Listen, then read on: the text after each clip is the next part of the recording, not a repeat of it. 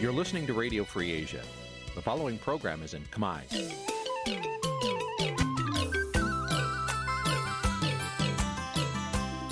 Nǐ chi càm bi tiệp xáy vệt chiu a zì sáy.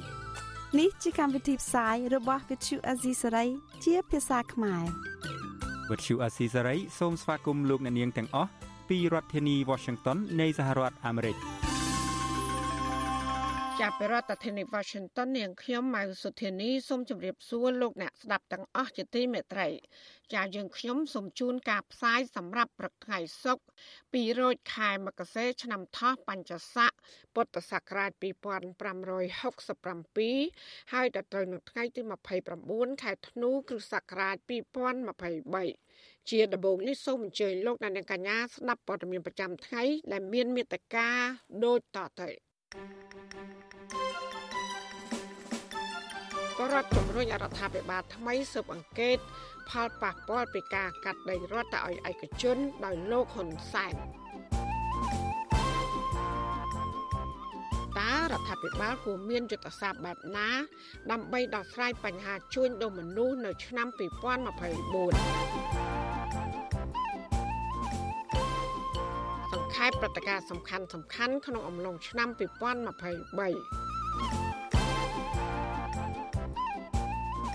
ជំនឿអរូបីនាំឲ្យប៉ះពាល់អ្វីខ្លះ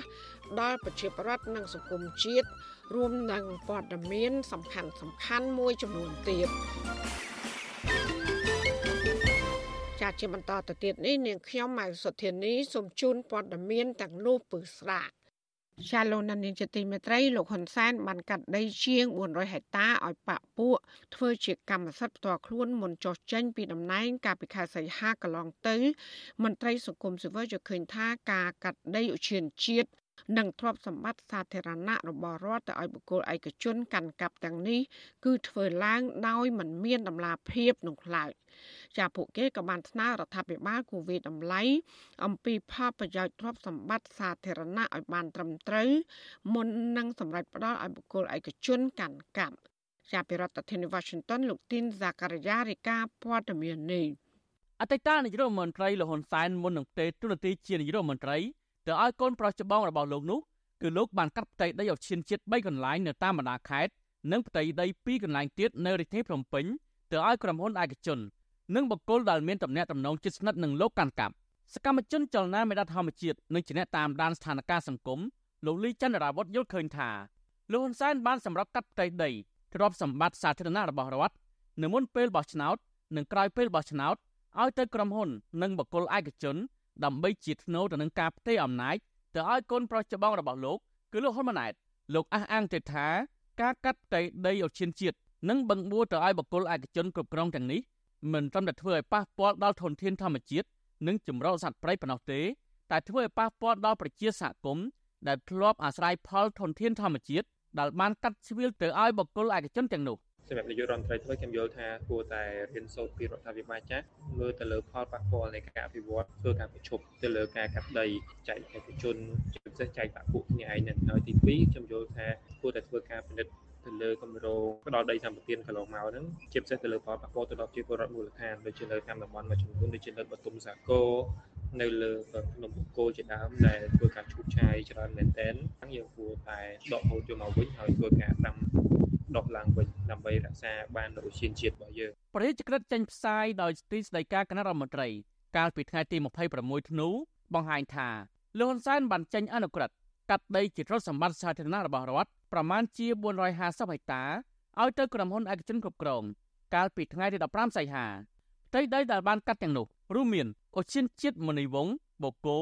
ក្នុងសង្កាត់ប្រៃថ្នោតក្រុងបូកូខេត្តកំពតជិត300ហិកតា ត្រូវបានកាត់ឲ្យក្រុមហ៊ុនសុគន្ធ KP Global Investment ធ្វើជាតំបន់សេដ្ឋកិច្ចពិសេស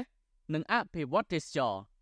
ដីអូឈានជាតិកែបស្ថិតនៅសង្កាត់ព្រៃធំ និងសង្កាត់កែបក្រុងកែបប្រមាណជា60ហិកតាកាត់ទៅឲ្យក្រុមហ៊ុន Pumpkin Development និងដីជាង60ហិកតាផ្សេងទៀតកាត់ទៅឲ្យក្រុមហ៊ុន Royal Diamond ដើម្បីអភិវឌ្ឍជាតំបន់ទេសចរផ្សារភ្ជាប់នឹងធម្មជាតិដីចម្រុះសត្វព្រៃពីមក្រសោបស្ថិតនៅភូមិកោះកាពិស្រុកកោះកុងខេត្តកោះកុង ជាង15ហិកតាកាត់ទៅឲ្យក្រុមហ៊ុនកោះមូរីសោតដីបឹងជើងឯកនិងប្រឡាយស្ថិតនៅខណ្ឌមានជ័យនិងខណ្ឌដង្កោរាជធានីភ្នំពេញជិត6ហិកតា កាត់ទៅឲ្យលោកលៀនខុននិងលោកថៃជីហួតធ្វើជាកម្មសិទ្ធិឯកជនដោយឡែកនៅមុនការតែងតាំងរដ្ឋាភិបាលថ្មីត្រឹមតែរយៈពេល5ថ្ងៃគឺថ្ងៃទី17ខែសីហាលោកហ៊ុនសែនបានជ្រៀលកាត់ផ្ទៃបឹងតមោកជាង16ហិកតាផ្សេងទៀតឲ្យទៅទីប្រឹក្សាផ្ទាល់របស់លោកគឺលោកឡាញ់ភីរ៉ា ធ្វើជាកម្មសិទ្ធិផ្ទាល់ខ្លួនតើតើនឹងបញ្ហានេះវិទ្យុអាស៊ីសេរីមិនអាចតតងប្រធានអង្គភិបអ្នកនាំពាក្យរដ្ឋាភិបាលលោកប៉ែនបូណាដើម្បីសុំការបកស្រាយជំវិញនឹងរឿងនេះបាននៅឡើយទេនៅថ្ងៃទី28ធ្នូជុំវិញនឹងរឿងនេះប្រធានមជ្ឈមណ្ឌលប្រជាពលរដ្ឋដើម្បីអភិវឌ្ឍនិងសន្តិភាពលោកយងកំឯងមានប្រសាសន៍ថាការផ្ដាល់ដីទ្រព្យសម្បត្តិសាធារណៈរបស់រដ្ឋឲ្យទៅបុគ្គលឯកជនភៀកច្រើនធ្វើឡើងដោយមិនមានដំណាភាពនោះឡើយលោកបន្តថារដ្ឋាភិបាល មិនគួរបន្តផ្ដាល់ដីឧទ្យានជាតិឬបង្បួរទៅឲ្យបុគ្គលណាម្នាក់ធ្វើជាកម្មសិទ្ធិផ្ទាល់ខ្លួនក្នុងពេលដីដែលជាសម្បត្តិរបស់រដ្ឋទាំងនោះនៅតែអាចផ្ដល់ផលប្រយោជន៍ដល់ប្រជាសហគមន៍ដែលរស់នៅក្បែរតំបន់នោះ ការធ្វើអនុប្រយោគអីហោហែហ្នឹងបាទជាតែធ្វើបានប៉ុន្តែត្រូវសួរថាវាអស់ផលប្រយោជន៍សាធារណៈនៅហើយជុំវិញបញ្ហាហ្នឹងដែរខ្ញុំថាការធ្វើសម្បទានដីហ្នឹងរួមគឺត្រូវធ្វើយ៉ាងណាកុំឲ្យប៉ះពាល់ទៅដល់ប្រជាពលរដ្ឋដែលគ្នារស់នៅក្នុងតំបន់ហ្នឹងក្រុមការដឹកនាំរយៈពេល6អាណត្តិអតីតនាយករដ្ឋមន្ត្រីលហ៊ុនសែនបានកាត់ដីឧទ្យានជាតិព្រៃឈើដែនចម្រុះសត្វព្រៃនិងបឹងធម្មជាតិរាប់ម៉ឺនហិកតា ទៅឲ្យក្រុមហ៊ុនអុកញ៉ានិងអ្នកដែលមានតំណែងតំណងជិតស្និទ្ធនឹងគ្រួសាររបស់លោកដោយគ្មានដំណាភាពជាស្ដែងទីប្រសាផ្ទាល់របស់លោកគឺលោកឡាញ់ភិរាបានទទួលដីបឹងតមោកសរុបចំនួន30ហិកតាដោយការបងពុនអកផ្សេងផ្សេងគឺជាបន្ទុករបស់រដ្ឋខណៈប្រជាពលរដ្ឋនៅក្បែរបឹងតមោកជាង200គ្រួសារដែលមានដីសរុបមិនដល់5ហិកតាផងនោះនៅតែបន្តរងការគំរាមកំហែងឲ្យដោះដូរដីនិងបណ្ដេញពួកគាត់ចេញពីផ្ទះសម្បែងខ្ញុំបាទទីនសាការីយ៉ាអស៊ីសេរី ប្រធានាធិបតី Washington ចាលោកដានៀងជាទីមេត្រីតកតងនឹងបញ្ហានេះដែរប្រជាពលរដ្ឋដែលបាត់បង់ដីធ្លីលើកឡើងថាការផ្ដោតដីសម្បត្តិសេដ្ឋកិច្ច របស់រដ្ឋាភិបាលទៅឲ្យបុគ្គលឬក្រុមហ៊ុនឯកជន បានធ្វើឲ្យពួកគាត់បាត់បង់មុខរបរនិងធ្លាក់ក្នុងបំណុលចាមន្ត្រីសង្គមស៊ីវិលក៏បានស្នើដល់រដ្ឋាភិបាលថ្មីឲ្យងាកមកដោះស្រាយបញ្ហាដីធ្លីរបស់ប្រជាពលរដ្ឋនិងដកហូតសម្បត្តិដីសេដ្ឋកិច្ចដែលពំបានបំរើផលប្រយោជន៍ជាតិមកវិញ ចាសសេចក្តីរាយការណ៍ពុស្ដាអំពីរឿងនេះលោកណានៀងនឹងបានស្ដាប់នាពេលបន្តិចទៀតនេះ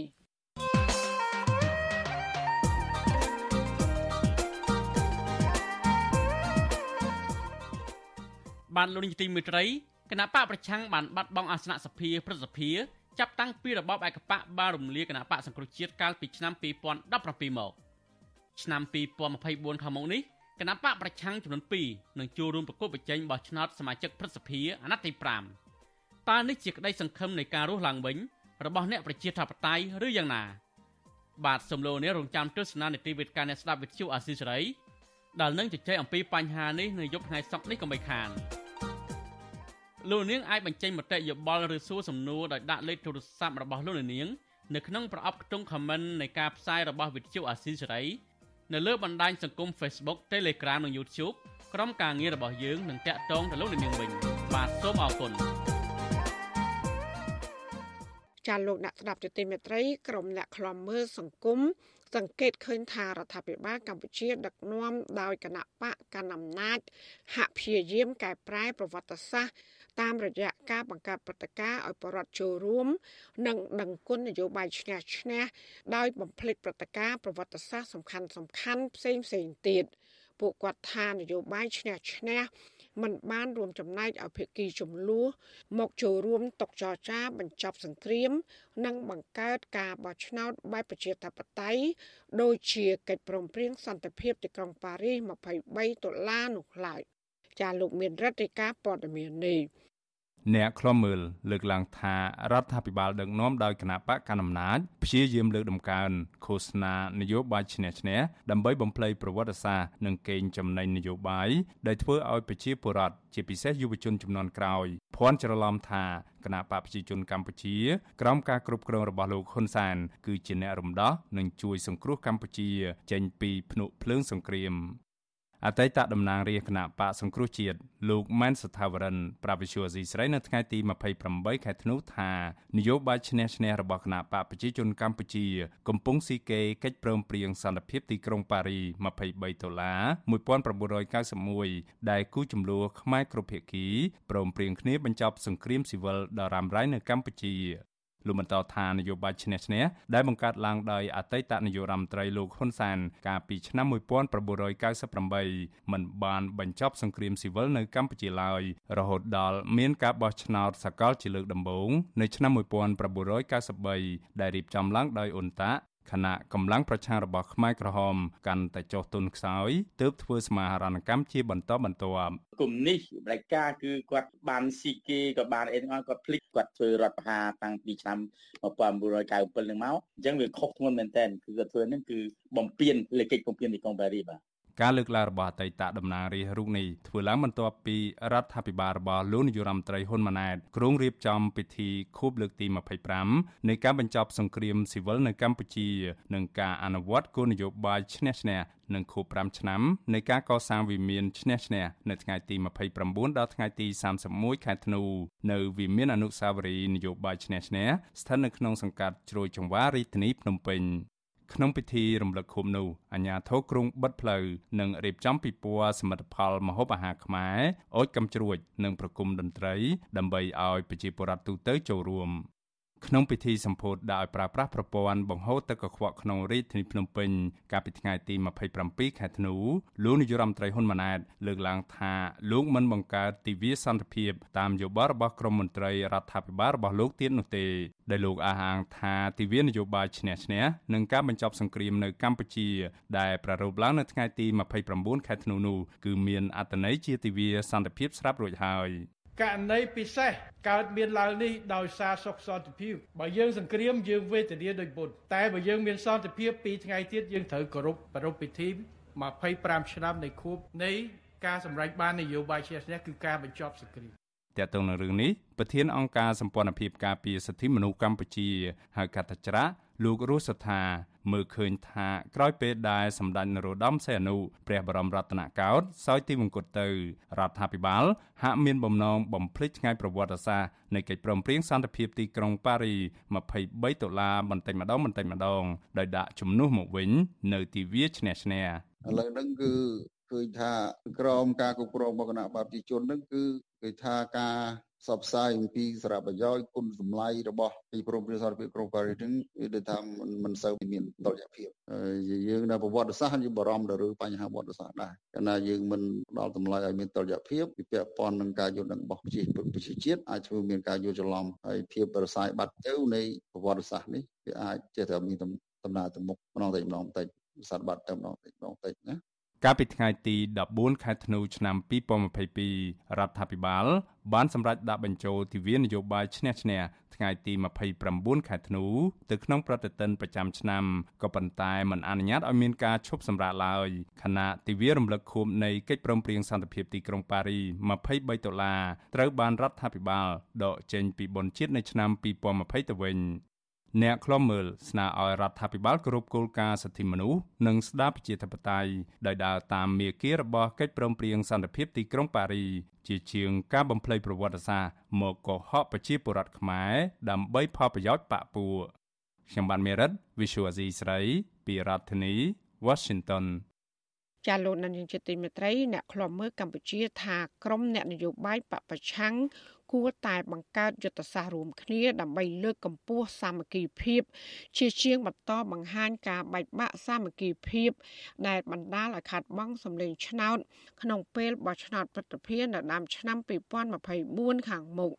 ជាប្រធានក្រុមប្រឹក្សាខ្លមើកម្ពុជានៅប្រទេសណូវេលោកម៉ាណាត មានប្រសាសន៍ថាបើទោះបីមានការថ្នាំងថ្នាក់យ៉ាងណាក៏ដោយក្រុមអ្នកប្រជាធិបតេយ្យ គួរសម្របសម្រួលគ្នាឲ្យបានមុនការបោះឆ្នោតប្រតិភិលោកថាការបែកបាក់សាមគ្គីរវាងអ្នកប្រជាធិបតេយ្យមិនត្រឹមតែអាចបណ្ដាលឲ្យខាត់បងអង្គបោះឆ្នោត នៅប្រតិភិតែប៉ុណ្ណោះទេក៏ប៉ុន្តែអាចធ្វើឲ្យអ្នកគ្រប់គ្រងបពប្រឆាំងប៉ះទង្គិចផ្លូវចិត្តផងដែរការបោះឆ្នោតព្រឹទ្ធសភានៅខាងមុខនេះខ្ញុំមើលទៅបើបងប្អូនគណៈបកក្រៅរដ្ឋាភិបាលនឹងចេះធ្វើយុទ្ធសាស្ត្រហើយមិនប្រទើសគ្នាហ្នឹងខ្ញុំគិតថា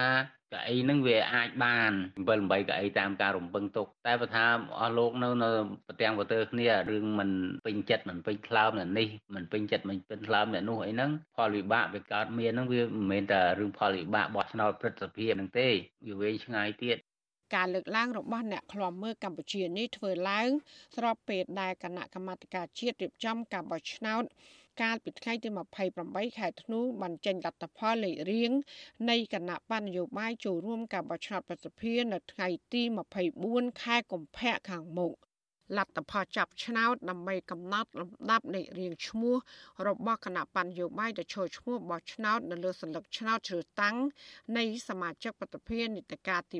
5បង្ហាញថាគណៈបកប្រជាជនកម្ពុជានៅលេខរៀងទី1គណៈបកឆន្ទៈខ្មែរនៅលេខរៀងទី2គណៈបកហ៊ុនស៊ុនពេជ្រនៅលេខរៀងទី3និងគណៈបកកម្លាំងជាតិនៅលេខរៀងទី4 លោកដានៀងកញ្ញាជាទីមេត្រីដំណើរគ្នានឹងស្ដាប់ការផ្សាយរបស់វិទ្យុអសីស្រី តាមបណ្ដាញសង្គម Facebook YouTube និង Telegram លោកដានៀងក៏អាចស្ដាប់ការផ្សាយរបស់យើងតាមរយៈរលក ធាតុអាកាសខ្លីឬ Shortwave តាមកម្រិតនិងកម្ពស់ដូចតទៅចាប់ពីព្រឹកចាប់ពីម៉ោង5កន្លះដល់ម៉ោង6កន្លះតាមរយៈប៉ុស SW 93.90 MHz ស្មើនឹងកម្ពស់ 32m និងប៉ុស SW 11.85 MHz ស្មើនឹងកម្ពស់ 25m ចាសម្រាប់ពេលយប់វិញ គឺចាប់ពីម៉ោង7កន្លះដល់ម៉ោង8កន្លះគឺតាមរយៈប៉ុស SW 93.30 MHz ស្មើនឹងកម្ពស់ 32m ប៉ុស SW 11.88 MHz ស្មើនឹងកម្ពស់ 25m និងប៉ុស SW 15.15 MHz ស្មើនឹងកម្ពស់ 20m ចាសសូមអរគុណ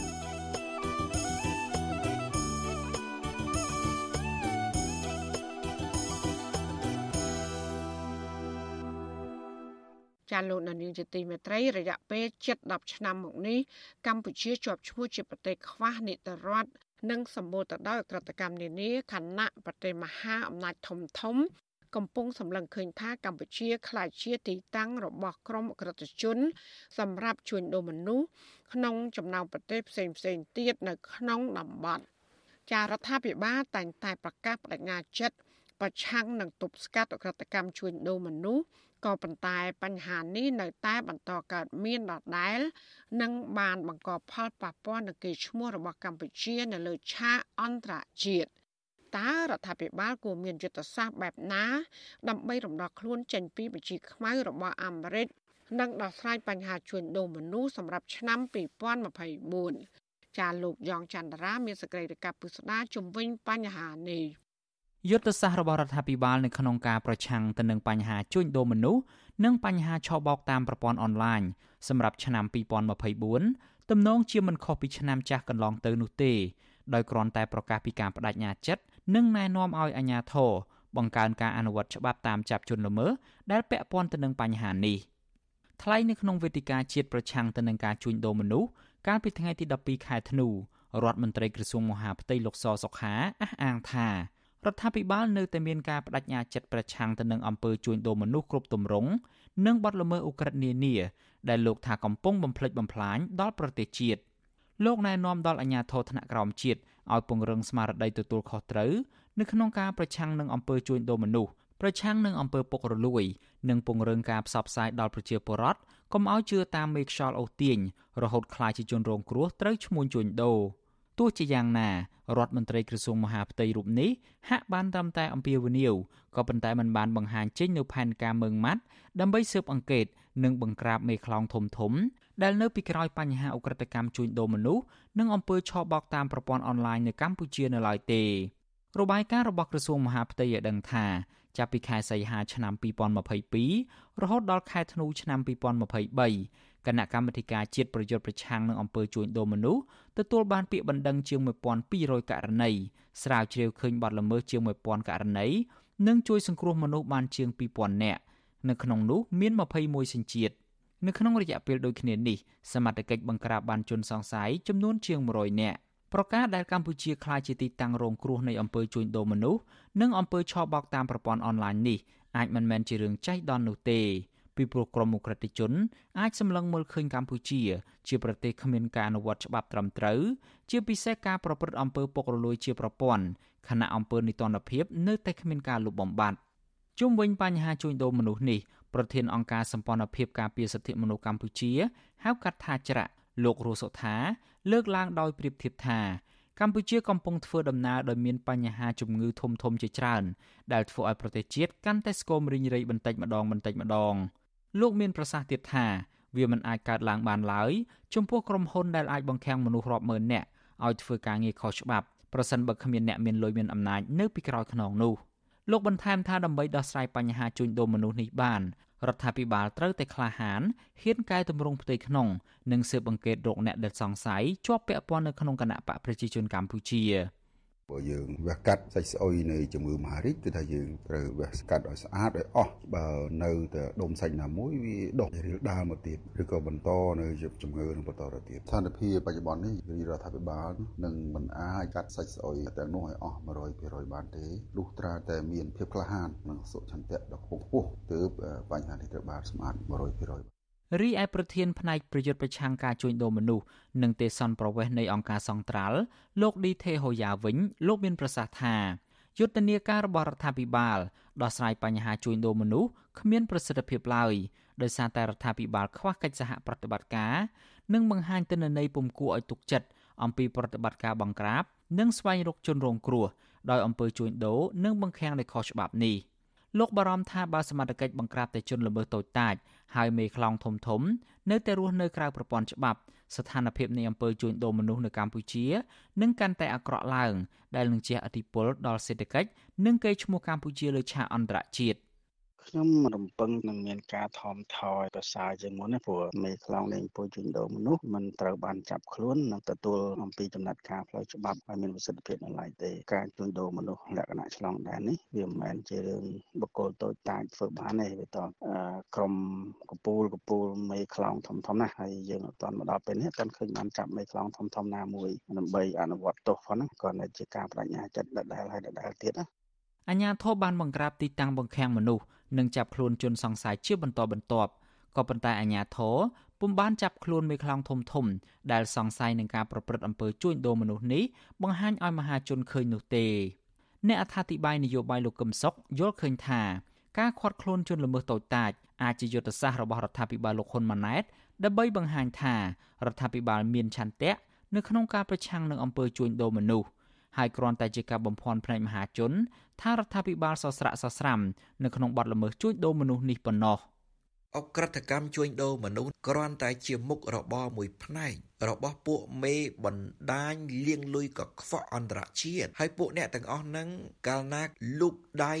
ឈានជើងរកស៊ីដល់ប្រទេសណាហើយគឺគេមានឥទ្ធិពលជាមួយអ្នកមានអំណាចធំធំនៅប្រទេសនោះហើយដូច្នេះសមត្ថកិច្ចថ្នាក់ក្រោមទោះបីជាជំនាញបច្ចេកទេសប៉កែប៉ុណ្ណាក៏ដោយហើយទោះបីជាស្គាល់មុខមេបណ្ដាញទាំងនោះក៏ដោយក៏មិនហ៊ានធ្វើការស៊ើបអង្កេតស្រាវជ្រាវបង្ហាញរបាយការណ៍ពិតនោះដែរ វិទ្យុអាស៊ីសេរីមិនទាន់អាចតាក់ទងអនុប្រធានអចិន្ត្រៃយ៍នៃគណៈកម្មាធិការជាតិប្រយុទ្ធប្រឆាំងការជួញដូរមនុស្សអ្នកស្រីជូប៊ុនអេងនិងអ្នកនាំពាក្យក្រសួងមហាផ្ទៃលោកខៀវសុភ័ក្រដើម្បីសុំការឆ្លើយតបរឿងនេះបាននៅឡើយទេ នៅថ្ងៃទី28ខែធ្នូកាលពីពេលថ្មីថ្មីនេះចក្រភពអង់គ្លេសបានប្រកាសដាក់ទណ្ឌកម្មលើក្រុមហ៊ុនកាស៊ីណូចំនួន5និងមនុស្សចំនួន3នាក់នៅក្នុងនោះមានអ្នកចំនួនខ្មែរដើមកំណើតចិន2នាក់ ដោយបង្កកទ្រព្យសម្បត្តិនិងរដ្ឋបិទទឹកថាការមិនឲ្យជន់ទឹកដីអង់គ្លេសដោយសារតែពាក់ព័ន្ធទៅនឹងការជួញដូរមនុស្សនៅកម្ពុជានិងបង្ខំឲ្យជនរងគ្រោះធ្វើការសម្រាប់មជ្ឈមណ្ឌលឆបោកតាមប្រព័ន្ធអ៊ីនធឺណិតមនុស្សដែលរងទណ្ឌកម្មទាំងនោះមានទំនាក់ទំនងជិតស្និទ្ធនិងធ្លាប់ផ្ដល់ផលប្រយោជន៍ដល់លោកហ៊ុនសែនទន្ទឹមគ្នានេះរបាយការណ៍របស់អង្គការសហប្រជាជាតិចេញផ្សាយកាលពីចុងខែសីហាកន្លងទៅបង្ហាញថាមនុស្សប្រមាណ100,000នាក់ កំពុងរងគ្រោះដោយត្រូវគេបង្ខំឲ្យធ្វើការជាអ្នកឆបោកតាមប្រព័ន្ធអ៊ីនធឺណិតជនរងគ្រោះប្រឈមទៅនឹងការរំលោភបំពាននិងការគំរាមកំហែងដល់សវត្ថិភាពទទួលរងការធ្វើទរណកម្មដោយអំពើឃោរឃៅអមនុស្សធម៌ការឃុំខ្លួនដោយបំពានអំពើហិង្សាផ្លូវភេទការធ្វើការដោយបង្ខំនិងការរំលោភសិទ្ធិមនុស្សផ្សេងទៀតអ្នកជំនាញផ្នែកសិទ្ធិមនុស្សជាតិនិងអន្តរជាតិវិយតម្លៃថាការដាក់ចេញយុទ្ធសាស្ត្ររបស់រដ្ឋាភិបាលកន្លងទៅនេះគ្មានប្រសិទ្ធភាព ដោយសារតែអាជ្ញាធរបង្ក្រាបបានតែជនល្មើសតូចតាចក៏ប៉ុន្តែអ្នកមានអធិបុលដែលជាប់សង្ស័យនៅក្នុងបទល្មើសឧក្រិដ្ឋទាំងនេះនៅតែរស់នៅក្រៅប្រព័ន្ធច្បាប់ដដែលពួកគេទទូចឲ្យរដ្ឋាភិបាល មានឆន្ទៈមោះមុតនៅក្នុងការបង្ក្រាបការជួញដូរមនុស្សឲ្យដល់ឫសគល់ដើម្បីស្ដារកិត្តិយសកេរ្តិ៍ឈ្មោះរបស់កម្ពុជា នៅលើឆាកអន្តរជាតិឡើងវិញខ្ញុំយ៉ងច័ន្ទដារាវិទ្យុអាស៊ីសេរី Washington ចាលោកនាងជាទីមេត្រីនាវាទេសចរ Westerdam បានមកដល់កម្ពុជាជាថ្មីម្ដងទៀតហើយរដ្ឋមន្ត្រីក្រសួងទេសចរលោកសុកសុកេននៅថ្ងៃទី28ខែធ្នូម្សិលមិញ បានទៅទទួលភ្ញៀវទេសចរពីនាវាទេសចរ Westerdam ដែលមានចំនួនជិត3000នាក់ចូលចតជាលើកទី2នៅកំពង់ផែស្វ័យយ័តក្រុងប្រស័យហនុលោកសុកសុកេននិងមន្ត្រីផ្សេងផ្សេងទៀត បានជូនក្រមាជាអនុស្សាវរីយ៍ដល់ភ្ញៀវទេសចរនិងបានប្រាប់ភ្ញៀវទេសចរទាំងនោះថាប្រទេសកម្ពុជាមានចិត្តទូលាយដល់ប្រជាពលរដ្ឋគ្រប់ជាតិសាសន៍នេះគឺជាចំណុចមួយដែលមានសារៈសំខាន់ខ្លាំងដែលសម្ដេចតេជោយុរដ្ឋមន្ត្រីបានខិតខំជំរុញឲ្យបាននោះគឺយើងបានមានការទទួលស្គាល់ថាជាប្រទេសទូចតែបេះដូងធំអញ្ចឹងនេះគឺថ្ងៃនេះគឺយើងបានឃើញជាក់ស្ដែងនៅភាពតាក់ទាញរបស់កម្ពុជាហើយជាពិសេសគឺភាពកក់ក្ដៅដែលកម្ពុជាបានជូនជំរុញទៅដល់អ្នកធ្វើដំណើរ នាវាទេសចរ Westerdam ធ្លាប់ត្រូវបានអតីតនាយករដ្ឋមន្ត្រីលោកហ៊ុនសែនអនុញ្ញាតឲ្យចូលចតនៅកំពង់ផែក្រុងបរសៃហនុម្ដងរួចមកហើយកាលពីដើមឆ្នាំ2020ក្នុងអំឡុងពេលនៃការរាលដាលនៃជំងឺ Covid-19 ខណៈដែលប្រទេសមួយចំនួនមិនអនុញ្ញាតឲ្យនាវានេះចូលចតដោយសារតែខ្លាចអ្នកដំណើររាប់ពាន់នាក់ចម្លងជំងឺ Covid-19 លោកហ៊ុនសែននៅពេលនោះបានប្រកាសថាកម្ពុជាជាប្រទេសតូចតែមានបេះដូងធំ ហើយដែលលោកអះអាងថាជាកាយវិការមនុស្សធម៌របស់រដ្ឋាភិបាល ចំពោះអ្នកដំណើរជនបរទេសទាំងនោះទោះយ៉ាងណាលោកហ៊ុនសែននៅពេលនោះរងការរិះគន់យ៉ាងដំណំពីអ្នកសង្កេតការណ៍និងបរដ្ឋខ្មែរមួយចំនួនដោយសារពួកគេចោទថាលោកហ៊ុនសែន បានយកជីវិតបរដ្ឋកម្ពុជាទៅប្រថុយប្រឋាន ជាមួយជំងឺ Covid-19 ដើម្បីមុខមាត់របស់លោក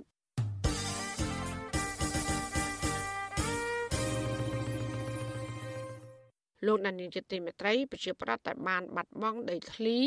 លើកឡើងថាការផ្ដោតដីសម្បត្តិសេដ្ឋកិច្ចរបស់រដ្ឋាភិបាលដឹកនាំដោយអតីតនាយករដ្ឋមន្ត្រីលោកហ៊ុនសែនទៅឲ្យបុគ្គលឬក្រុមហ៊ុនឯកជន បានធ្វើឲ្យពួកគាត់បាត់បង់មុខរបរនិងធ្លាក់ក្នុងបំណុលចាមន្ត្រីសង្គមស៊ីវិលស្នើឲ្យរដ្ឋាភិបាលថ្មីងាកមកដោះស្រាយបញ្ហាដីធ្លីរបស់ប្រជាពលរដ្ឋនិងដកហូតសម្បត្តិដីសេដ្ឋកិច្ចដែលពំបានបំរើផលប្រយោជន៍ជាតិមកវិញ ចាអ្នកស្រីសុជីវីមានសេចក្តីរាយការណ៍ពឹស្ដាជំវិញបញ្ហានេះអតីតនាយករដ្ឋមន្ត្រីលោកហ៊ុនសែនដែលដឹកនាំប្រទេសជិត40ឆ្នាំ បានបន្សល់កេរ្តិ៍ឈ្មោះមិនល្អពាក់ព័ន្ធនឹងការផ្ដាល់ដីសម្បត្តិសេដ្ឋកិច្ចនិងកាត់ដីបឹងធម្មជាតិរួមទាំងដែនជំរកព្រៃឈើជាច្រើនហិកតាទៅឲ្យបុគ្គលមានលុយមានអំណាចនិងក្រុមហ៊ុនឯកជន ដែលមានទំនាក់ទំនងជិតស្និទ្ធជាមួយគ្រួសារត្រកូលហ៊ុន និងគណៈបកប្រជាជនកម្ពុជា របាយការណ៍របស់អង្គការការពារសិទ្ធិមនុស្សលីកាដូឲ្យដឹងថាគិតត្រឹមឆ្នាំ2023រដ្ឋាភិបាល កាត់ដីរដ្ឋជាង2លានហិកតា ដែលមានចំនួន313កន្លែងនៅទូទាំងប្រទេសឬមានទំហំធំជាង2ដង នៃផ្ទៃដីខេត្តរតនគិរីទៅឲ្យបុគ្គលអ្នកមានអំណាចនិងក្រុមហ៊ុនដែលស្និទ្ធស្នាលជាមួយក្រុមគ្រួសារលោកហ៊ុនសែនចាប់តាំងពីឆ្នាំ1993មកអង្គការសិទ្ធិមនុស្សលីកាដូដដែលឲ្យដឹងថា អ្នកដែលទទួលបានសម្បត្តិសេដ្ឋកិច្ចរួមមានបុគ្គលឬក្រុមហ៊ុនដែលមានសញ្ជាតិខ្មែរទទួលបានដីជាង1លានហិកតាបុគ្គលឬក្រុមហ៊ុនដែលមានសញ្ជាតិចិនទទួលបានដីជិត4សែនហិកតានិងបុគ្គលឬក្រុមហ៊ុនដែលមានសញ្ជាតិវៀតណាមទទួលបានដីជិត4សែនហិកតា ក្នុងដើមឆ្នាំ2023លោកហ៊ុនសែនក៏បានកាត់ដីរដ្ឋជាបន្តបន្ទាប់ឲ្យសាច់ញាតិនិងក្រុមគ្រួសារនិងបពពួករបស់លោកផងដែរ រួមមានប្រធានក្រុមហ៊ុន Royal Group និងជាប្រធានសហភាពពាណិជ្ជកម្មកម្ពុជា លោកកឹតម៉េងទទួលបានដីជិត10000ហិកតា និងកាត់ឲ្យកូនប្រុសរបស់សមាជិកព្រឹទ្ធសភាគណៈបកប្រជាជនកម្ពុជា និងជាអ្នកជំនួញមានទ្រព្យសម្បត្តិស្ដុកស្ដំលោកលីយ៉ុងផាត់គឺលោកលីភួនរ៉ាត់ដែលទទួលបានដីជិត6000ហិកតា ពីឧស្សាហជាតិបតុមសាគរខេត្តកោះកុង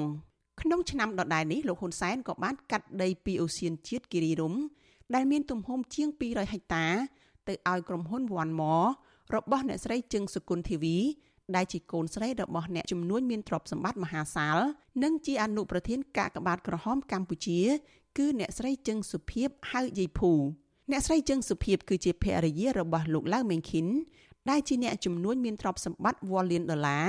និងជាសមាជិកព្រឹទ្ធសភាមកពីគណៈបកប្រជាជនកម្ពុជា នេះមិនមែនជាលើកទី1ទេដែលលោកលីយ៉ុងផាត់លោកកឹតម៉េងអ្នកស្រីជឹងសុគន្ធធីវី និងបុគ្គលមួយចំនួនទៀតទទួលបានដីខណៈដែលកន្លងទៅ ពួកគេក៏ទទួលបានដីរាប់ពាន់ហិកតា និងមានប្រវត្តិមិនល្អក្នុងការបំផ្លាញធនធានធម្មជាតិព្រៃឈើ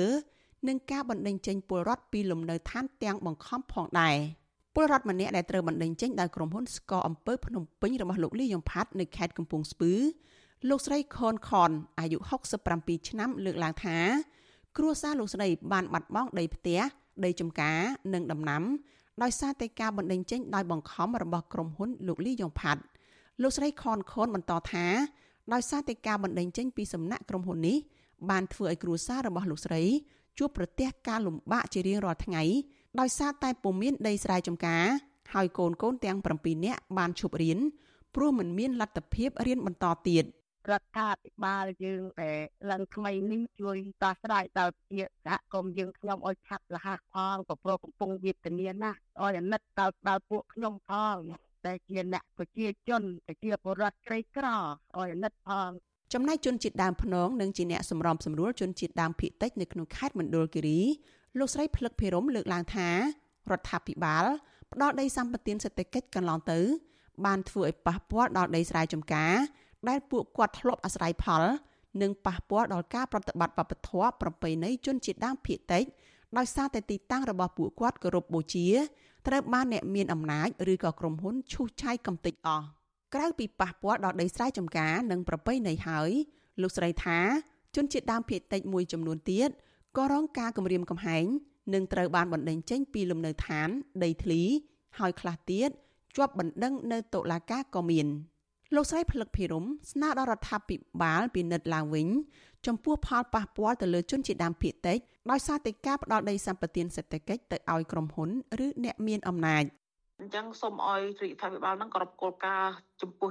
គ្រប់គោលការណ៍ជនជនជាតិដើមភាគតិចផងដោយសារតែយើងក៏មានគោលនយោបាយយើងក៏មានច្បាប់ទម្លាប់យើងក៏មានគេហៅជំនឿសាសនាទៅលើប្រយារៈទាំងអស់ហ្នឹងដើម្បីយើងក៏យល់ដឹងពីផលប៉ះពាល់នៃបរិស្ថានអីអញ្ចឹងណាបើសិនជារាជរដ្ឋាភិបាលអភិវឌ្ឍគួរតែជូនដំណឹងទៅជនជាតិភាគតិចជាមុនមជ្ឈមណ្ឌលសិទ្ធិមនុស្សកម្ពុជា CCHR រកឃើញថា ចាប់ពីខែមិនិនាឆ្នាំ2020 ដល់ខែសីហាឆ្នាំ2023មានករណីបណ្តេញចេញដោយបង្ខំសរុប22ករណីស្មើនឹងចំនួនពលរដ្ឋជាង13000គ្រួសារត្រូវបានបណ្តេញចេញនិងកំពុងប្រឈមនឹងការបណ្តេញចេញនៅក្នុងខេត្តក្រុងរាជធានីចំនួន11មជ្ឈមណ្ឌលនេះកត់សម្គាល់ថាការបង្ខំបណ្តេញចេញនាពេលថ្មីថ្មីនេះ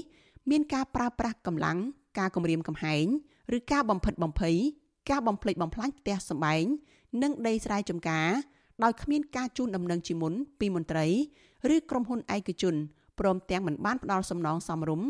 និងខ្វះការពិគ្រោះយោបល់ជាទូទៅជាមួយសហគមន៍ដែលរងផលប៉ះពាល់សកម្មជនសិទ្ធិមនុស្សនិងជាអ្នកការពារបរិស្ថាន លោកសាន់ម៉ាឡាលើកឡើងថារដ្ឋាភិបាលចាស់បានបរាជ័យក្នុងការការពារធនធានធម្មជាតិ បរិស្ថាននិងមិនបានធ្វើឲ្យជីវភាពរបស់ពលរដ្ឋនៅក្នុងមូលដ្ឋានបានប្រសើរឡើង តាមរយៈការផ្ដល់ដីសម្បត្តិសេដ្ឋកិច្ចនោះទេលោកថាក្រុមហ៊ុនឬបុគ្គលដែលទទួលបានដីរដ្ឋមិនបានអភិវឌ្ឍដោយគម្រោងដែលពួកគេលើកឡើងនោះឡើយ ហើយយើងឃើញថាក្រុមហ៊ុនខ្លះទៀតសោតមិនបានធ្វើការអភិវឌ្ឍគោរពទៅតាមអ្វីដែលបានសន្យាជាមួយរដ្ឋាភិបាលនោះទេគេគ្រាន់តែធ្វើសកម្មភាពកាប់ឆ្ការដើម្បីប្រមូលយកឈើពិនិត្យពីតំបន់ដែលខ្លួនទទួលបានដីសម្បត្តិតែប៉ុណ្ណោះវិទ្យុអាស៊ីសេរីមិនទាន់អាចសុំការឆ្លើយតបរឿងនេះពីអ្នកនាំពាក្យក្រសួងដែនដីនគររូបនីយកម្មនិងសំណង់លោកសេងលូតនិងអ្នកនាំពាក្យក្រសួងបរិស្ថានលោកផៃប៊ុនឈឿនបានទេ នៅថ្ងៃទី27ខែធ្នូ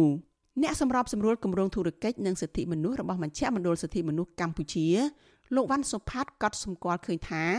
ការផ្ដល់ដីសម្បត្តិសេដ្ឋកិច្ចរបស់រដ្ឋាភិបាលខុសពីស្មារតីនៃច្បាប់ដូចជាការកាត់ដីជាចំណែកចំណែកទៅដល់បុគ្គលឬក្រុមហ៊ុនទៅជា10000ហិកតា និងមានច្រើនកន្លែងលោកវ៉ាន់សុផាតថារដ្ឋាភិបាលបានកាត់ដីសាធារណៈរបស់រដ្ឋ ឲ្យក្រុមហ៊ុន និងបុគ្គលឯកជនក៏មិនបានបំលែងពីដីសាធារណៈរបស់រដ្ឋទៅជាដីឯកជនរបស់រដ្ឋនោះទេមកដល់បច្ចុប្បន្ននេះក៏មិនទាន់មានការវិតម្លៃណាមួយឲ្យបានជាក់លាក់ថាដីដែលត្រូវបានផ្ដល់ជាសម្បត្តិសេដ្ឋកិច្ចទៅឲ្យក្រុមហ៊ុនទាំងឡាយនោះទៅក្រុមហ៊ុនសាជីវកម្មទាំងឡាយហ្នឹងអស់បាទមិនមានផលប្រយោជន៍សម្រាប់សាធារណៈតទៅទៀតទេគឺអត់មានតម្លាភាពទេគឺមិនមានការវិតម្លៃដែល ធ្វើឲ្យជាព័ត៌មានទៅដល់សាធារណជនឬប្រជាពលរដ្ឋបានដឹងជាសាធារណៈទេលោកវ៉ាន់សុផាតបន្តថាក្រុមហ៊ុនឯកជននិងរដ្ឋាភិបាលមិនបានបង្ហាញពីការវិយតម្លៃផលប៉ះពាល់បរិស្ថាននិងសង្គមដោយសារការផ្ដោតដីសម្បត្តិសេដ្ឋកិច្ចដោយមានការចូលរួមពីពលរដ្ឋនិងសង្គមស៊ីវិលនោះទេលោកវ៉ាន់សុផាតថាពលរដ្ឋដែលរងគ្រោះដីធ្លីដោយសារការផ្ដោតដីសម្បត្តិសេដ្ឋកិច្ចមានសិទ្ធិក្នុងការទាមទាររដ្ឋាភិបាលថ្មីសើរើ និងដោះស្រាយបញ្ហារបស់ពួកគាត់មាត្រា53នៃច្បាប់ស្តីពីការគ្រប់គ្រងការប្រើប្រាស់និងការចាត់ចែងលើទ្រព្យសម្បត្តិចែងថាសម្បត្តិដីសេដ្ឋកិច្ចមិនត្រូវមានរយៈពេលលើសពី50ឆ្នាំឡើយសម្បត្តិដីសេដ្ឋកិច្ចមានទំហំច្រើនបំផុតមិនលើសពី10000ហិកតាបុគ្គលម្នាក់អាចទទួលបានដីសម្បត្តិសេដ្ឋកិច្ចច្រើនកន្លែងប៉ុន្តែទំហំដីសម្បត្តិសរុបមិនត្រូវលើសពី10000ហិកតាឡើយ ត្រូវហាមឃាត់ការផ្ដោតដីសម្បត្តិសេដ្ឋកិច្ចច្រើនកន្លែងទៅឲ្យបុគ្គលតែម្នាក់ឬឲ្យនីតិបុគ្គលច្រើនប៉ុន្តែគ្រប់គ្រងដោយរូបវ័ណ្ណបុគ្គលឬនីតិបុគ្គលដដែលដដែលពលរដ្ឋរងផលប៉ះពាល់ដោយសារការផ្ដោតដីសម្បត្តិសេដ្ឋកិច្ចទទូចរដ្ឋាភិបាលលោកហ៊ុនម៉ាណែតសើរើការផ្ដោតដីសម្បត្តិសេដ្ឋកិច្ចឡើងវិញនិងដោះស្រាយបញ្ហាចំនួនដីធ្លីរបស់ពួកគេដោយសារការរំលោភបំពានរបស់ក្រុមហ៊ុនឯកជន និងអ្នកមានលុយមានអំណាច ដើម្បីឲ្យពួកគេអាចអាស្រ័យផលនៅលើដីដែលមានចំនួននិងជៀសវាងការជំពាក់បំណុលវ៉ាន់កដោយសារតែការបាត់បង់ដីធ្លីនិងមុខរបរបង្កបង្កើនផលនាងខ្ញុំសុជីវីវិទ្យុអាស៊ីសេរីពីរដ្ឋធានី Washington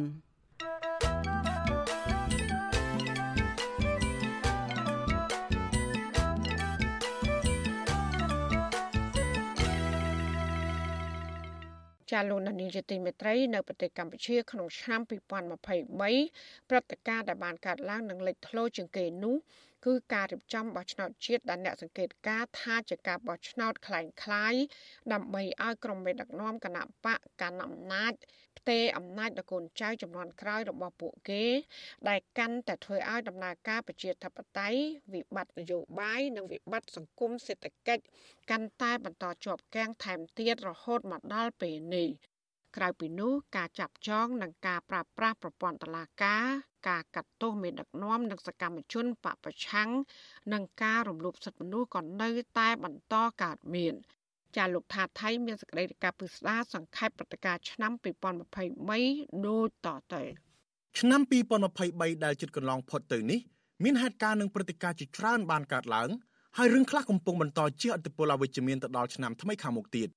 គ្រាន់តែបើក្បាលឆ្នាំ2023ភ្លាម លោកហ៊ុនសែនកាន់តែក្រពុលមុខនិងរកគ្រប់វិធីកំទេចកម្លាំងអ្នកប្រជាធិបតេយ្យដើម្បីត្រៀមផ្ទេរអំណាចដល់កូនកូនរបស់លោក នៅថ្ងៃទី9មករាអតីតកម្មាភិបាលខ្មែរក្រហមរូបនេះមិនត្រឹមតែប្រមានប្រាហឹង្សាលើមន្ត្រីគណៈបកប្រឆាំងទេថែមទាំងបញ្ជាឲ្យមន្ត្រីរបស់លោកប្តឹងទាមទារសំណងរាប់ម៉ឺនដុល្លារលើសពីច្បាប់កំណត់និងរំអូសទ្រព្យសម្បត្តិពីអតីតឧត្តមទីប្រឹក្សាគណៈបកភ្លើងទៀនគលោកគង្គគំដោយករណីអនុប្រធានគណៈបកភ្លើងទៀនលោកសុនឆៃដែរ ដោយសារតែការបញ្ចេញមតិរិះគន់ប្រវត្តិគណៈបកប្រជាជនកម្ពុជានិងការបោះឆ្នោតមិនត្រឹមត្រូវ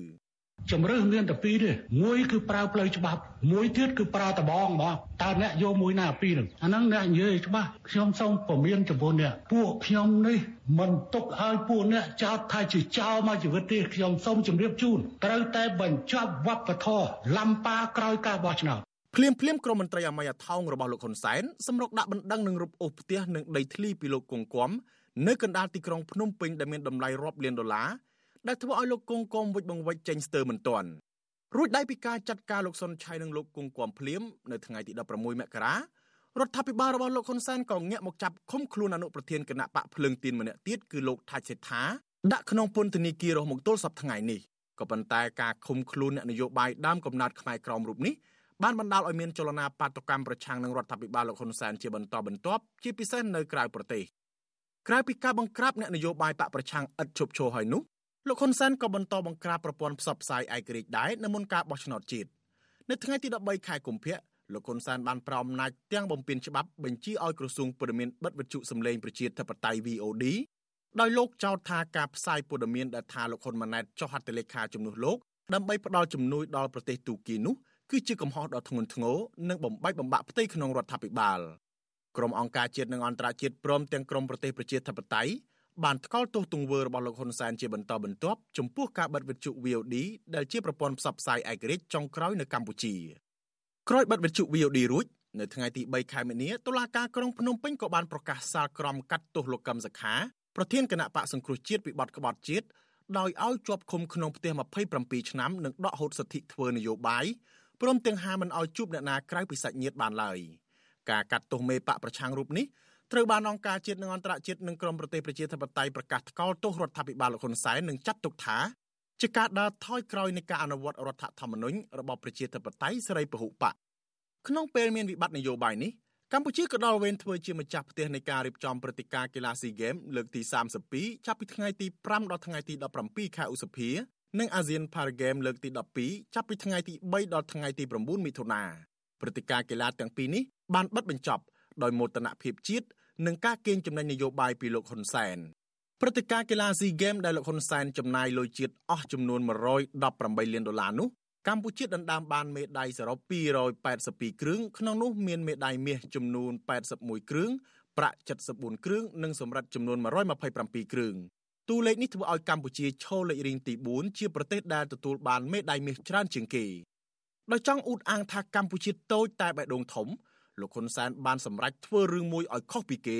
គឺមិនយកលុយថ្លៃហូបចុកនិងស្នាក់នៅពីប្រតិភូកីឡាស៊ីហ្គេមបរទេសក្នុងម្នាក់ម្នាក់50ដុល្លារដែលសរុបប្រមាណស្មើនឹង7លានដុល្លារ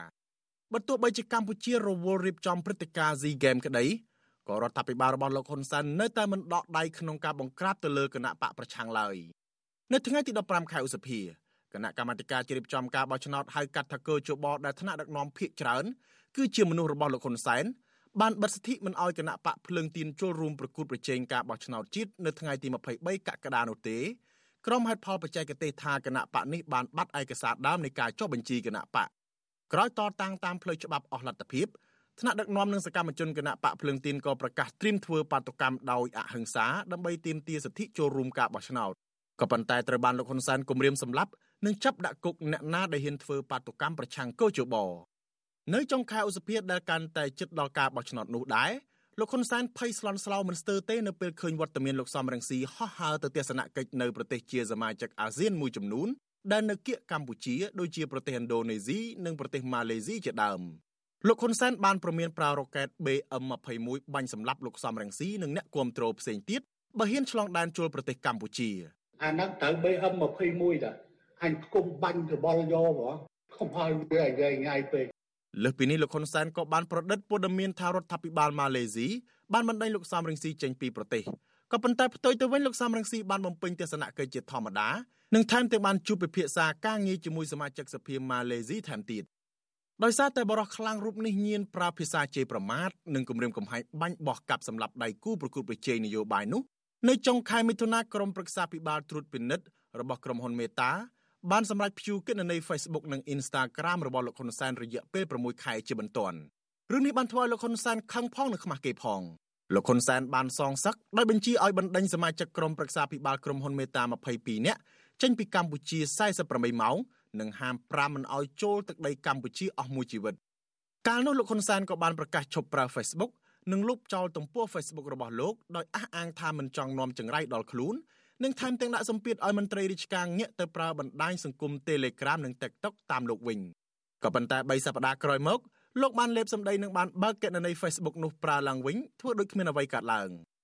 ក្រោយបំបត្តិគណៈបកភ្លើងទីនរួមទាំងវិធានការនានាដើម្បីបំបត្តិសេរីភាពសារព័ត៌មានឯករាជ្យអង្គការសង្គមស៊ីវិលនិងសិទ្ធិសេរីភាពជាមូលដ្ឋានរបស់ប្រជាពលរដ្ឋរួចមក នៅថ្ងៃទី23ខែកក្កដាលោកហ៊ុនសែនក៏បានរៀបចំការបោះឆ្នោតដែលគ្មានគូប្រកួតប្រជែងនិងដែលបានកំណត់ទុកជាមុននៅលទ្ធផលឈ្នះភ្លុកទឹកភ្លុកដីតែម្នាក់ឯងដើម្បីត្រៀមប្រគល់អំណាចដល់កូនប្រុសរបស់លោកតាមបែបផ្ដាច់ការការបោះឆ្នោតនេះបានរងនឹងការថ្កោលទោសស្ទើរជំទឹះពីសហគមន៍អន្តរជាតិជាពិសេសក្រមប្រទេសប្រជាធិបតេយ្យដូចជាសហរដ្ឋអាមេរិកបានប្រកាសដាក់ទណ្ឌកម្មលើរដ្ឋាភិបាលថ្មីផងដែរក្រោយការបោះឆ្នោតបង្ក្រប់កិច្ចនោះ នៅថ្ងៃទី22ខែសីហាគណៈរដ្ឋមន្ត្រីថ្មីក្បាលធំហ៊ូមៀតដែលសុទ្ធសឹងតែជាកូនចៅនិងសាច់ញាតិរបស់មន្ត្រីកម្ពុជាកម្ពុជានៃគណៈបកប្រជាជនកម្ពុជាត្រូវបានបង្កើតឡើងក្នុងនោះមានឧបនាយករដ្ឋមន្ត្រី10រូបទេសរដ្ឋមន្ត្រី21រូបនិងរដ្ឋមន្ត្រី30រូបទៀតលោកហ៊ុនសែនមិនត្រឹមតែផ្ទេរតំណែងនាយករដ្ឋមន្ត្រីជិត4ទសវត្សរ៍របស់លោកឲ្យកូនប្រុសរបស់លោកគឺលោកហ៊ុនម៉ាណែតទេលោកថែមទាំងតែងតាំងកូនបង្កើតកូនប្រសារនិងសាច់ញាតិរបស់លោកផ្សេងទៀតរួមទាំងឪក្មេករបស់លោកហ៊ុនម៉ាណែត ឲ្យកាន់តួនាទីកម្ពុជាកម្ពុជាតាមក្រសួងស្ថាប័នរដ្ឋសំខាន់សំខាន់ហើយលោកហ៊ុនសែនក៏កំពុងត្រៀមទៅអង្គុយកៅអីប្រធានព្រឹទ្ធសភាដែរនៅដើមឆ្នាំ2024នេះដោយមើលឃើញដូច្នេះរដ្ឋមន្ត្រីផ្សេងផ្សេងទៀតមានដូចជាលោកសខេងលោកទៀបបាញ់អ្នកស្រីមែនសំអនលោកសាយឈុំនិងលោកចောင်းប្រសិទ្ធលោកប្រាក់សុខុននិងលោកជាសុផារ៉ាជាដើមក៏បានចាត់ចែងតែងតាំងកូនបង្កើតនិងកូនប្រសាររបស់ពួកគេរៀងរៀងខ្លួននៅតាមក្រសួងស្ថាប័នដែលពួកគេធ្លាប់គ្រប់គ្រង និងកន្លែងខ្លាញ់ផ្សេងផ្សេងទៀតតាំងពីថ្នាក់ជាតិរហូតដល់ថ្នាក់ក្រោមជាតិដោយធ្វើដូចជាប្រទេសជាតិនេះជាក្រុមហ៊ុនឯកជនរបស់ពួកគេបន្ទាប់ពីបានតំណែងជានាយករដ្ឋមន្ត្រីបន្តពីឪពុកលោកហ៊ុនម៉ាណែតបានចេញដំណើរទៅជួបមេដឹកនាំចិនផងនិងវៀតណាមផងលោកក៏បានទៅចូលរួមមហាសន្និបាតអង្គការសហប្រជាជាតិនៅទីក្រុងញូវយ៉កសហរដ្ឋអាមេរិកពីថ្ងៃទី21ដល់ថ្ងៃទី25កញ្ញាដែរនៅពេលនោះប្រជាពលរដ្ឋខ្មែររាប់រយនាក់បានធ្វើបាតុកម្មប្រឆាំងវត្តមានលោកហ៊ុនម៉ាណែត និងការផ្ទេរអំណាចតាមបែបផ្ដាច់ការលោកហ៊ុនម៉ាណែតនិងមន្ត្រីរបស់លោកក៏បានចំណាយលុយប្រមូលមនុស្សទៅសម្ដែងការស្វាគមន៍លោកដែរមិនត្រឹមតែប៉ុណ្ណោះទេលោកហ៊ុនម៉ាណែតនិងឪពុករបស់លោកក៏ថែមទាំងបង្ហោះសារអួតអាងប្រកបដោយមោទនភាពថាមានរូបភាពស្វាគមន៍លោកនៅលើផ្ទាំងប៉ាណូក្នុងតំបន់ Times Square ទៀតផងក៏ប៉ុន្តែក្រុមហ៊ុនផ្សព្វផ្សាយពាណិជ្ជកម្មលើផ្ទាំងប៉ាណូទាំងនោះបដិសេធថាមិនដែលបានផ្សព្វផ្សាយរូបភាពស្វាគមន៍លោកហ៊ុនម៉ាណែតឡើយដោយបញ្ជាក់ថារូបភាពវីដេអូនោះជារូបភាពកាត់តคล้ายៗប៉ុណ្ណោះ ងាកមកមើលអំពើហិង្សាបង្កដោយជនបិទមុខទៅលើអ្នកនយោបាយនិងអ្នករិះគន់នៅតាមដងផ្លូវវិញនៅតែបន្តកើតមានឡើងហើយនៅតែគ្មានយុត្តិធម៌សម្រាប់ជនរងគ្រោះបើទោះបីជាមានរដ្ឋាភិបាលថ្មីក៏ដោយនៅថ្ងៃទី21កញ្ញាជនមិនស្គាល់មុខមួយក្រុមបានវាយដំទៅលើអ្នកបញ្ចេញមតិលើបណ្ដាញសង្គមលោកនីណាស្ទើរបាត់បង់ជីវិតក៏ប៉ុន្តែសមត្ថកិច្ចនៅតែរកជនដៃដល់មិនឃើញដោយករណីកន្លងទៅដែរមកទល់ពេលនេះ100ថ្ងៃក្រោយមកនៃការកាន់តំណែងជានាយករដ្ឋមន្ត្រីរបស់លោកហ៊ុនម៉ាណែត គឺនៅថ្ងៃទី29វិច្ឆិកានាយករដ្ឋមន្ត្រីថ្មីនិងមន្ត្រីរដ្ឋាភិបាលរបស់លោកបានព្យាយាមលើកឡើងពីសមិទ្ធផលដែលសម្រេចបានដូចជាការដាក់ចេញគោលនយោបាយការធ្វើដំណើរទៅក្រៅប្រទេសបានច្រើនគីឡូម៉ែត្រនិងធានានៅសន្តិភាពស្ថិរភាពនយោបាយសង្គមនិងសេដ្ឋកិច្ចជាដើមក៏ប៉ុន្តែប្រជាពលរដ្ឋអ្នកខ្លំមើលនិងអ្នកនយោបាយបកប្រឆាំងវិញពួកគេមើលឃើញថាចាប់តាំងពីលោកហ៊ុនម៉ាណែតកាន់អំណាចបាន100ថ្ងៃមកអំពើអយុត្តិធម៌សង្គមកាន់តែធ្ងន់ធ្ងរ កូនចៅអ្នកមានលុយមានអំណាចបើករថយន្តបុកគេស្លាប់នៅតែរត់គេចពីច្បាប់អ្នកចំនួនដែលមានទំនាក់ទំនងជាមួយលោកហ៊ុនម៉ាណែតមួយចំនួនវិញពួកគេក៏រកស៊ីអចលនទ្រព្យបោកប្រាស់ប្រជាពលរដ្ឋដោយគ្មានបញ្ហាសេដ្ឋកិច្ចកាន់តែធ្លាក់ចុះបានបណ្ដាលឲ្យជីវភាពពលរដ្ឋតូចតាចកាន់តែលំបាកហើយគ្មានលុយបង់ធនាគារអំពើពុករលួយវិបត្តិសង្គមវិបត្តិនយោបាយការរំលោភសិទ្ធិមនុស្សនិងលទ្ធិប្រជាធិបតេយ្យក៏កាន់តែយ៉ាប់យ៉ឺនអ្នកនយោបាយបកប្រឆាំងនិងអ្នករិះគន់ ជាប់គុកកាន់តែច្រើននិងរងការគំរាមកំហែងកាន់តែខ្លាំងចំណែកឯបញ្ហាជនអន្តោប្រវេសន៍បញ្ហាគ្រឿងញៀននិងការជួញដូរមនុស្សក៏នៅតែបន្តកើនឡើងដដែលឥឡូវនេះដល់ពេលបិទបញ្ចប់ទំព័រឆ្នាំ2023ហើយ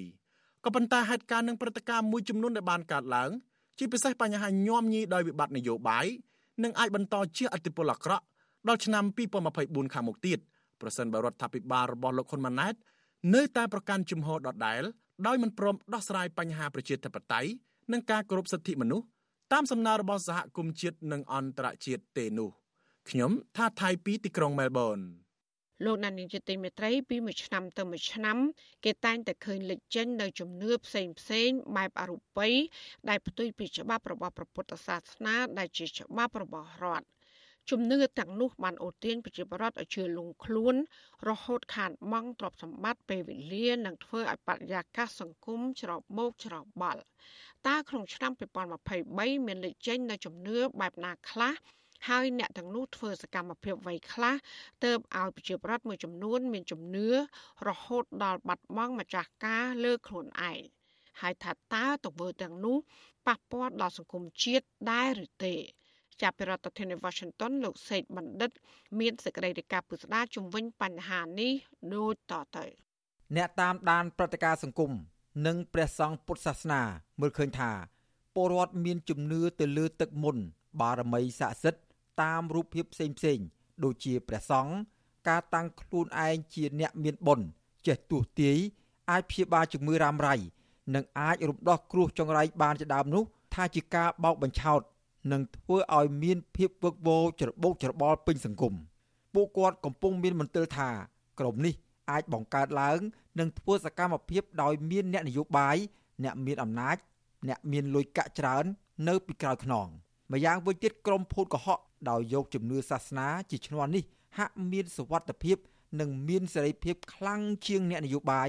សកម្មជនសង្គមដែលធ្វើការងារលើកស្ទួយសិទ្ធិមនុស្សប្រជាធិបតេយ្យ និងសិទ្ធិបញ្ចេញមតិរបស់ប្រជាពលរដ្ឋបែរជាត្រូវរដ្ឋាភិបាលចោទថាក្បត់ជាតិធ្វើឲ្យវឹកវរប៉ះពាល់ដល់សន្តិសុខសង្គមទៅវិញអ្នកវិភាគនយោបាយលោកកឹមសុខមើលឃើញថាក្រមមន្ត្រីនយោបាយដែលកំពុងកាន់អំណាចអាចបង្កើតព្រឹត្តិការណ៍ជំនឿទាំងនេះឡើង ដើម្បីបង្វែរស្ថានភាពសង្គមដែលខ្លួនដោះស្រាយមិនចេញហើយខ្លាចមានចលនាពលរដ្ឋងើបតវ៉ាច្រើនទើបឆ្លៀតឱកាសឆក់យកពេលពលរដ្ឋកំពុងកើតទុក្ខ មានវិបត្តិគ្រប់បែបយ៉ាង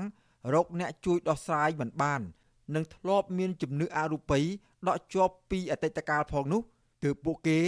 រុញបញ្ហានេះទៅឲ្យប្រជាពលរដ្ឋវង្វេងក្នុងលបែងជំនឿនេះតែម្ដងទៅជំនឿមន្តអាគមនេះខ្ញុំមើលទៅវាคล้ายទៅជាអាជីវកម្មនយោបាយរបស់មេដឹកនាំប្រទេសទៅហើយដោយដែលខ្ញុំបញ្ជាក់ខាងដើមថាគេដោះស្រាយបញ្ហាប្រទេសជាតិមិនចេញទេវិបត្តិគ្រប់វិស័យទាំងអស់ អ្នកដឹកនាំប្រទេសដោះស្រាយមិនចេញនៅបញ្ហាទាំងអស់នោះដល់ទៅពេលដោះស្រាយមិនចេញធ្វើតែរឿងពីរទេ ទី1បង្កើតព័ត៌មានពង្វក់ពង្វក់ប្រជាពលរដ្ឋឆ្នាំ2023បានលេចចេញនៅរូបភាពជំនឿជាច្រើនទម្រង់ប៉ុន្តែអ្វីដែលឲ្យពលរដ្ឋមានជំនឿភ្លុកទឹកភ្លុកដីល្បីតគ្នាដោយគ្មានមូលដ្ឋានច្បាស់លាស់នោះ គឺបុគ្គលសុនច័ន្ទវិរៈឬគេស្គាល់និងហៅតគ្នាថា ព្រះអង្គធម្មវណ្ណរាសីច័ន្ទមុនី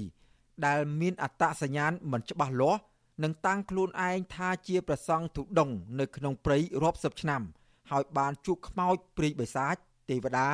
អ្នកបម្រើទេវតា និងប្រភេទអមនុស្សជាច្រើនផ្សេងទៀតហើយបានផ្ដល់នៅមុនអាគមពិសេសអាចព្យាបាលជំងឺនិងជួយឲ្យរោគស៊ីមានបានជាដើមជាងនេះទៅទៀតក៏មានការល្បីតគ្នាទៀតថាបុគ្គលរូបនេះចេះវិជាបង្រួញដី ឬគេហៅថាទេវតាដើរដី ជាកូនសិស្សលោកឪសួង ដែលជាអតីតព្រះសង្ឃទុដងវ័យចំណាស់មួយព្រះអង្គគង់នៅភ្នំត្បែងមានជ័យខេត្តព្រះវិហារក្រោយមកក៏ទៅគង់នៅប្រទេសថៃរហូតដល់សគត់នៅទីនោះតែម្ដងអ្នកប្រើប្រាស់បណ្ដាញសង្គមដែលមានជំនឿខ្លះបានបង្ហោះរូបភាពព្រះសង្ឃអង្គនេះជាមួយនឹងសារដូចដូចគ្នាថាជ្រះថ្លាណាស់បានជួបព្រះអង្គឃើញហើយស្យាមួយនឹងមានសេចក្តីសុខរកស៊ីមានបាន និងពាក្យថា បើមិនជឿកុំប្រមាថ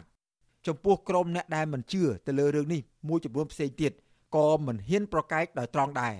ដោយគ្រាន់តែផ្ញើសារបែបឌឺដងកំ pl ុកកំ pl ែងទៅវិញថា បើជឿកុំប្រមាថបើឆ្លាតកុំជឿរីឯអ្នកប្រើប្រាស់បណ្ដាញសង្គមមួយចំនួនទៀតបានផុសសារនិងរូបភាពចំអកតបទៅវិញដែរថា ខ្មែរមានព្រះសង្ឃពូកែដើរដីរីឯវៀតណាមវិញ មានអ្នកដឹកនាំពូកែយកដី តើតើនឹងរឿងរ៉ាវដែលកើតឡើងមកនេះបុគ្គលសុនច័ន្ទវរៈហៅធម្មៈវណ្ណអវាស័យច័ន្ទមុនី បានថ្លែងការពីខ្លួនថា លោកមិនដែលបំផុសឲ្យពុទ្ធបរិស័ទមានជំនឿហួសប្រមាណដោយគ្មានហេតុផលជឿតាមគ្នានិងជឿខុសឬលើសពីអ្វីដែលលោកបានថ្លែងផ្ទាល់នោះទេខ្ញុំកូណាខ្ញុំតែងតែប្រាប់ឲ្យតើហាពាក្យណាសម្ដីណាចេញពីមាត់ខ្ញុំកណាខ្ញុំសំយកទៅគិតពិចារណាទៅមិនឲ្យយុទ្ធជឿទៀតនោះ តែដល់ទៅពេលរឿងទាំងឡាយកើតចេញ ពីអ្នកលក់ផ្កាពីអ្នកលក់ធូបអីចឹងទៅទោះបីជាមានការបកស្រាយបែបនេះក្តីក៏ពេលថ្មីថ្មីនេះពេលដែលលោកជិះទូកាត់បឹងមួយក៏មានពលរដ្ឋទៅដងទឹកបឹងនោះយកមកមុជមកផឹកដោយក្តីសង្ឃឹមថានឹងទទួលបានសេចក្តីសុខនិងជាពិរុគគាទាំងឡាយដូចគ្នានេះដែរពេលលោកទៅទេសនានៅក្រោមដើមទឹកដោះគោក្នុងទីអារាមមួយ ក្រោយមកក៏មានមនុស្សប្រជែងគ្នាឡើងទៅកាច់ស្លឹកទឹកដោះគោនោះស្ទើរអស់ពីដើមដ៏ធំមួយនោះ